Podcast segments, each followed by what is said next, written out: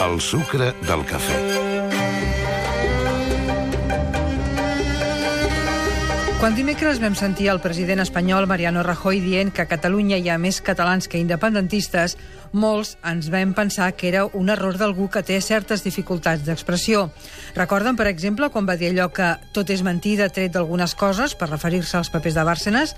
O parlant de nosaltres, quan va dir m'agraden els catalans perquè fan coses, per no parlar d'aquells famosos hilillos de plastilina.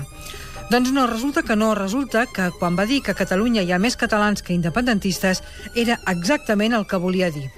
Avui el vicesecretari general d'Organització del PP, Carlos Floriano, ha dit si fa no fa el mateix.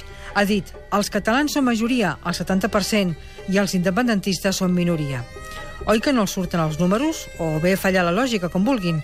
Aviam, és evident que hi ha més catalans que independentistes perquè no tots els catalans són independentistes, però no és això el que volen dir. El que volen dir és que d'una banda hi ha els catalans, que segons ells són majoria, i de l'altra hi deu haver marcians o alguna altra mena d'extraterrestres que són independentistes però no catalans. Dit d'una altra manera, els independentistes, siguin molts o siguin pocs, no són catalans. Oi que ara ja ho entenen? En uns altres temps es va acusar els nacionalistes catalans, sovint injustament, de repartir carnets de catalanitat, de distingir entre catalans bons i catalans dolents. Ara el PP fa el mateix. Ara el PP posa al bàndol dels elegits els que no volen la independència i els atorga el gentilici desitjat. Els altres, els que se'n volen anar, no es mereixen ni que els diguin catalans. Fomentar la divisió entre bons i dolents no sembla una bona manera d'apostar per l'harmonia i la concòrdia.